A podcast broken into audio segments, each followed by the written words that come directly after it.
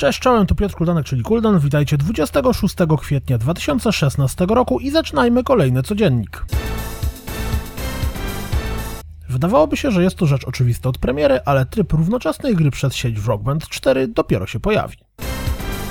Jeśli gracie w Hitmana na PlayStation 4, to pojawił się zwiastun pokazujący drugi cel z The Sarajevo Six, The Enforcer. Kolejny tydzień oznacza kolejny zwiastun przedstawiający kolejne postacie z The King of Fighters 14. Dodatkowo wiemy, że gra pojawi się pod koniec sierpnia, 23 sierpnia w Ameryce i 25 w Japonii. Czekamy na podanie europejskiej daty premiery. Przy okazji bijatyk, może chcecie zobaczyć zwiastun przedstawiający postać Miry z Killer Instinct. Pojawił się ostatni przedpremierowy zwiastun Uncharted 4. Preorder złożony, czy czekacie na recenzję?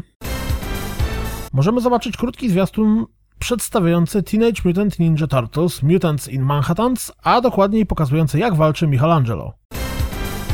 Ark Survival Evolved w Xboxowym Early Accessie sprzedał się w ponad milionie egzemplarzy, na PC w 4 milionach, a twórcy postanowili przenieść datę premiery z lata na koniec tego roku.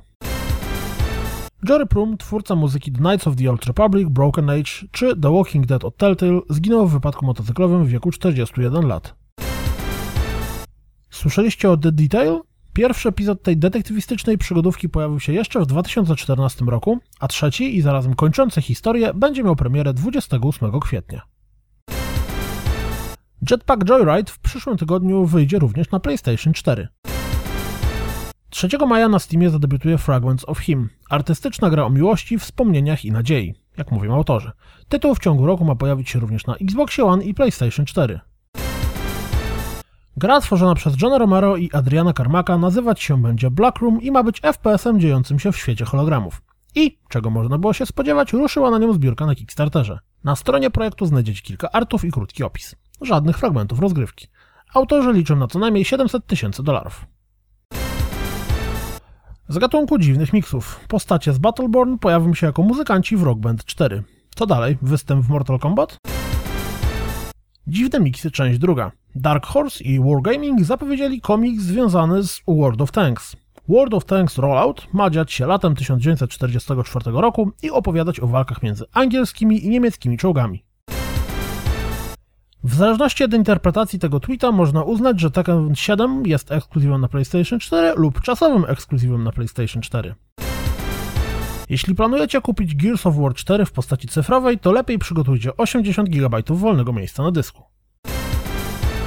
Jest coś podejrzanie zabawnego w oglądaniu ludzi grających w straszne gry z użyciem VR.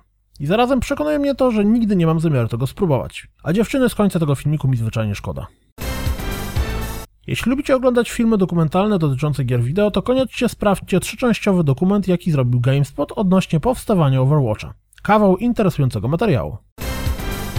Oryginalne pomysły na projekcję. Logitech na PAX East za pomocą 160 swoich klawiatur stworzył instalację świetlną, czy też ekran LEDowy, jak to woli, heheszkowicze. Na Reddicie pojawił się wątek, w którym z zestawienia screenów z Horizon Zero Dawn ze zdjęciami wyszło, że gra najprawdopodobniej dzieje się w Colorado. To wszystko na dziś, jak zawsze dziękuję za słuchanie, jak zawsze zapraszam na www.rozgrywkapodcast.pl Jeśli doceniacie moją pracę, wesprzyjcie mnie na Patronite i mam nadzieję słyszymy się jutro. Cześć!